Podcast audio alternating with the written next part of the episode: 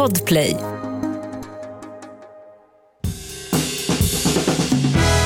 Och god mat, det kan ju vem som helst laga, bara man har bra ingredienser. Och så smör förstås.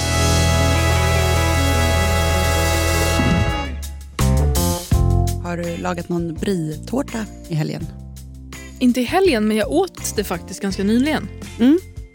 Vad hade du på? Det var inte jag som hade lagat det, men hon som hade gjort det hade lagt på valnötter Mm. och äppelklyftor. Som var lite stekta då, eller lite Mm, tillagade? Ja, Mm. Gud vad gott. För det kom in en fråga här till eh, Recept Direkts Instagram. Vad kan man göra med överbliven brie-tårta som är dränkt i nötter och frukt? Just det.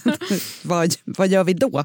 Eh, och det var ju en väldigt bra fråga tycker Mm. jag. För det, det är inte säkert att allt går åt, även om det borde göra det. Nej. eftersom det är så himla gott.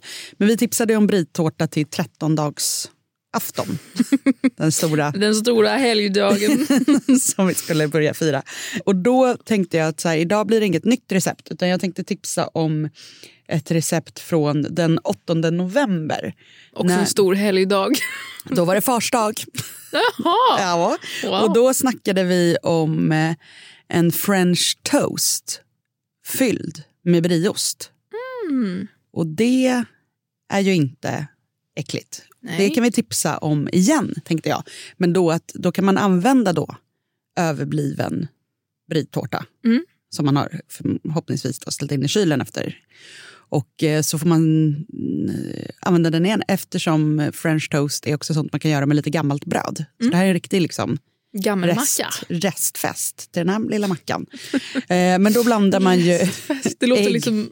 Förlåt, det låter bara någonting som så personer som jobbar på Skatteverket säger. Liksom. Ska vara så.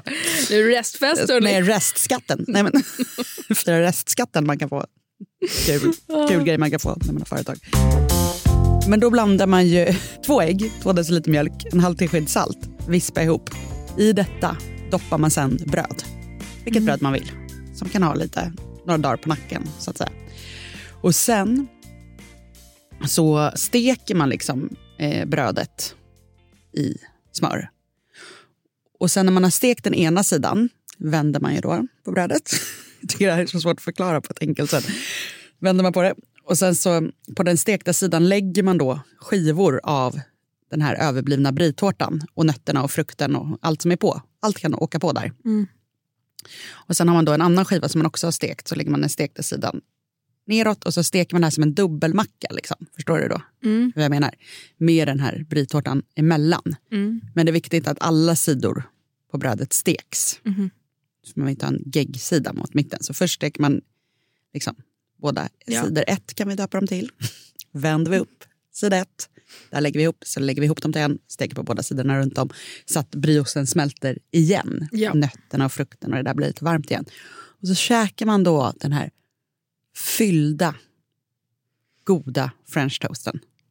Pang. Pang, vad smaskigt. Mm. Jag tänker att vi lägger upp det här på um, Instagram igen. Liksom. Mm. Men med det här lilla disclaimern att man då kan använda en överbliven brie-tårta. Mm. Himla trevligt. Jättebra. Det är ofta så med såna här ja, men helgrätter, festrätter. Man vill ju aldrig att det ska ta slut. Så det är ju lätt att det blir liksom lite konstiga rester som man inte vet Mm. vad man ska göra av. Liksom. Ostbrickor så är det så här, en liksom, minibit kvar av allt. Ja. Inte så kul. Men det går alltid att göra någonting. Mm. En annan fråga som vi hade fått in till Instagrammet var vilken musik ger liksom det bästa flowet i köket? Oj. Det här är svårt tycker jag. Jag tycker ju om, jag tycker ju om ren tematik. Va? Alltså om du lagar en grekisk sallad, Mm. jag gjorde igår, igen, Mm. så vill jag liksom sätta på grekisk musik.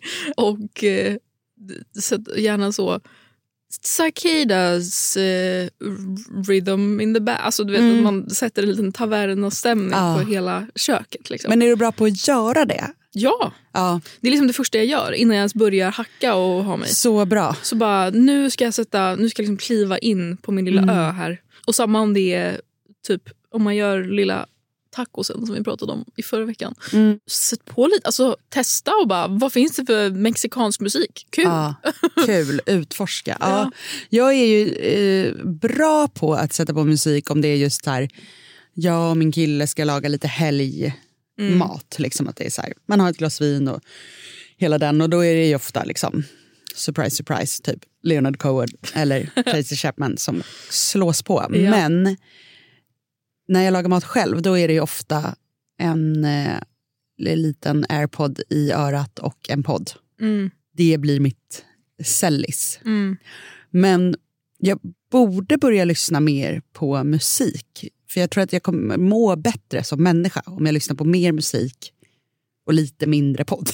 Faktiskt. Ja. Jättebra att jag säger det i en podd. Men Ja. eh, man behöver ju lite mer så här chill time i hjärnan. mm. När du lyssnar på podd så får du hela tiden liksom in information som Exakt. måste processas. Men jag gillar att lyssna på typ eh, Surret, som är så här, två roliga tjejer som snackar loss. Du och jag.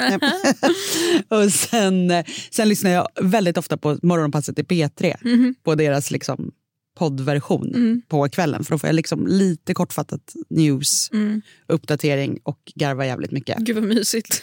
Ja, men det, det, Ja. det är mysigt. Alltså, jag tycker ändå att om man ska liksom laga god, bra mat, då tror jag ändå att, här, att det inte finns något bättre än Cohen.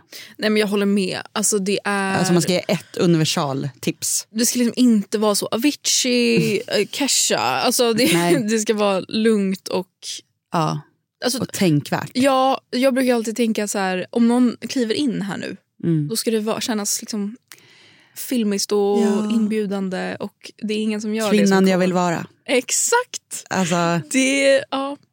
precis. Jag, jag tänker ju ofta som en roman. Mm, Alltså att jag är i en roman. mm. Och då, då är jag mycket bättre på att göra saker mysigt Exakt. för mig själv. Ja. Alltså så här, hur skulle det här beskrivits? Alltså så här, men då vill jag inte sitta i liksom en ful pyjamas i min roman. Alltså, Nej. då vill jag ju ha liksom det här fina sidennattlinnet Mm. och en svepande morgonrock.